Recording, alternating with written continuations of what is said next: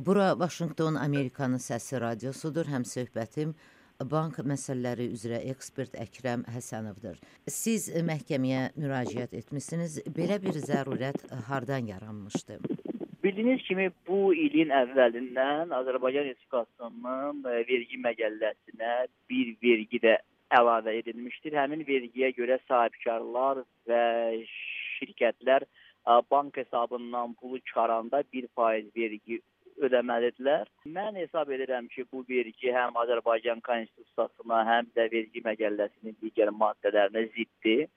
Yəni faktiki olaraq bir gəlirdən 2 dəfə vergi tutulur. Ən azı buna görə bu vergi qanunsuzdur və ümumiyyətlə, ümumiyyətlə digər məqamları da var. Niyə mən bu vergini qanunsuz hesab edirəm? Buna görə də mən bu ilin əvvəlində elə özüm gedib bank hesabımdan pul çıxartdım və məndən 5 manat 91 qəpik məbləğində vergi tutdular. Mən buna görə Vergilər Nazirliyinə müraciət etdim və bu verginin qanunsuz olduğunu onlara bildirdim və tələb etdim ki, o vergini mənə geri qaytarsınlar. Təbii ki, burada əsas məqsədim o vergi məbləği deyildi. Məhz onu sübut etmək idi ki, bu vergi qanunsuzdur. Vergilər Nazirliyi imtina etdi və mən inzibati iqtisadi məhkəməyə iddia verdim Vergilər Nazirliyinə qarşı.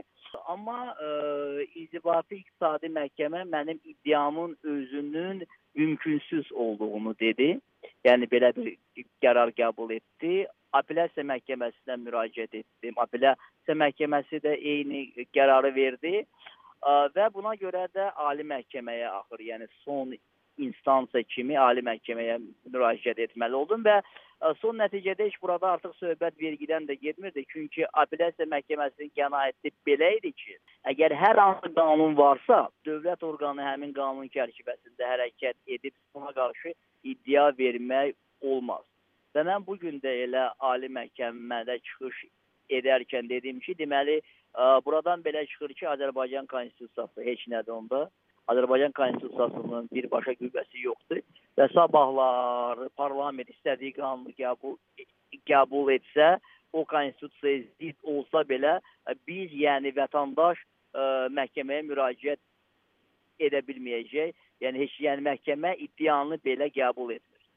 Ə, və bu gün Ali Məhkəmə Apellyasiya Məhkəməsinin həmin qərardadını ə, ləğv etdi və mənim ə, Vergilər Nazirliyinə verginin qanunsuz olmağına dair iddia vermə hüququmu tanıdı. Yəni ə, bu hələ ki əlbəttə tam qələbə deyil. Bu hələ o demək deyil ki, məhkəmələrimiz bu verginin özünü qanunsuz hesab etdilər. Ə, çünki hələlik işə yəni mahiyyəti üzrə baxılmayıb.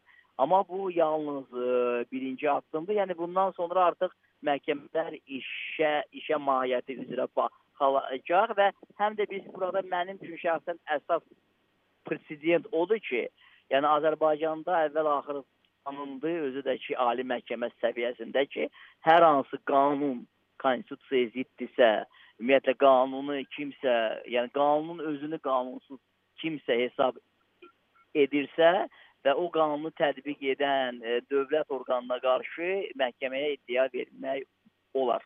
Əkrəm bəy, siz ə, e, bu ə, e, ali məhkəmədə ə, qalib gəldiniz. Sizcə məhkəmənin bu hökmü ə, bank qaydalarında hər hansı bir dəyişikliklərə ə, gətirib çıxara bilərmi? Bunu indidən demək çətindir. Yəni mən bilirəm ki, bəli, Azərbaycan sahibkarları ə, bu vergidən bərk narazıdırlar və bu barədə fikirlər dəfələrlə səslənib. Yəni ən azı hesab edirəm ki, əgər, əgər ali məhkəmə səviyyəsində bu məsələnin ə, e, mahiyyəti üzrə baxılmasının qapısı açıldısa, deməli bu ehtimal var ki mahiyyəti üzrə baxanda Konstitusiya məhkəməsinə çıxacaq yəqin ki, bu məsələ və Konstitusiya məhkəməsi bu verginin qanunsuz hesab edə bilər. Yəni bu ehtimal əgər mən bu işə başlayanda belə deyim də ehtimal 10% idisə, indi 50-50-yədir ki, bu vergi ləğv edilə bilər və ləğv edilsə əlbəttə bu ə, bank sisteminə ciddi göstərəcək.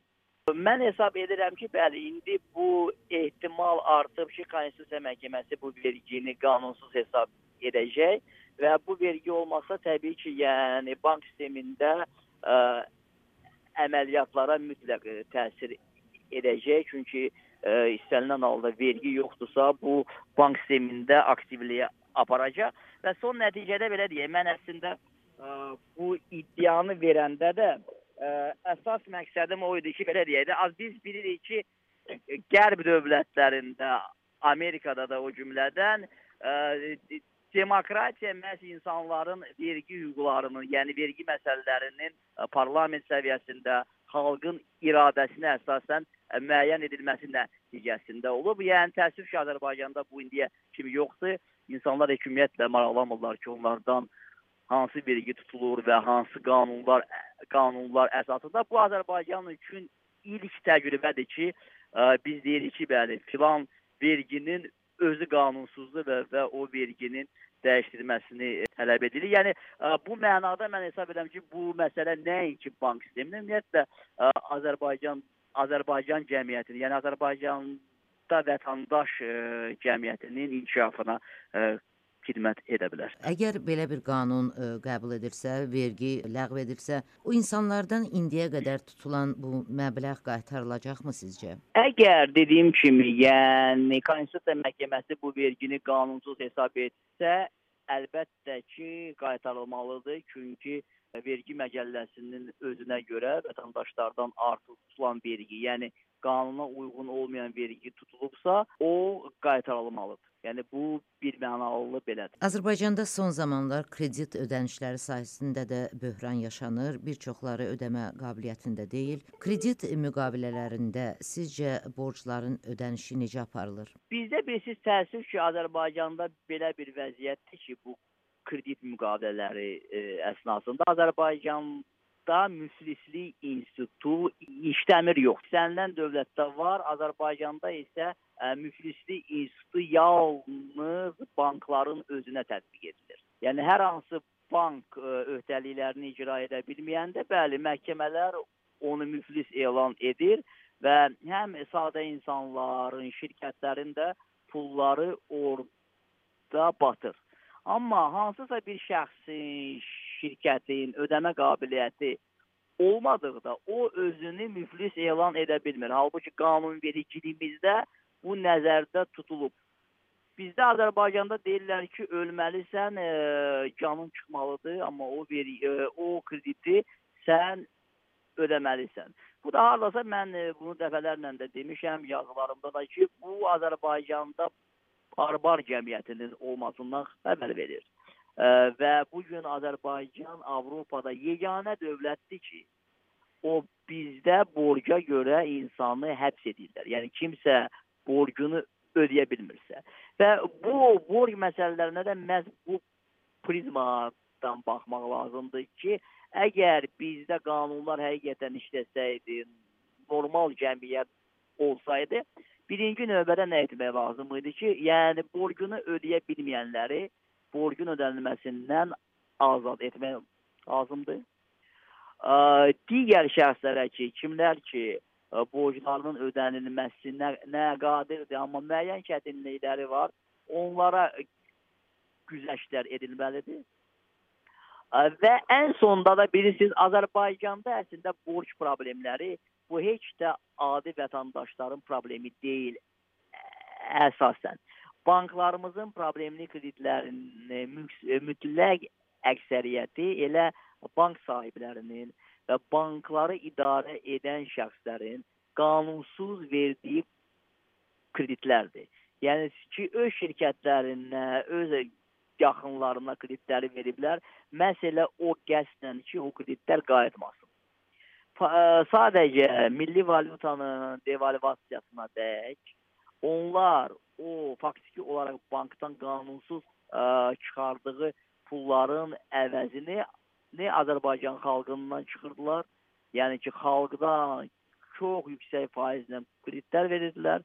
O kreditlər qayıdırdı və onun hesabına da o deməli bankdan çıxardığı o pulların əvəzini örtürdülər. Amma ə, devalvasiyadan sonra, yəni ə, adi cəmaət də borcunu verə bilməyəndə banklar, yəni banklarda bax bu böhran başlandı. Buna görə də Azərbaycanda problemli kreditlərin həllinə məhz o istiqamətdə başlamaq lazımdır ki, müəyyənləşdirmək lazımdır ki, hansı bankda bax belə qanunsuz kreditlər verilib, onları kim verib, kimə verib və o kreditlərin ə, e, qaytarılmasını onlardan tələb etmək lazımdır. O kreditlər qayıtsa, yəni adi insanların kredit məsələlərinin həlli o qədər də böyük problem olmayacaq.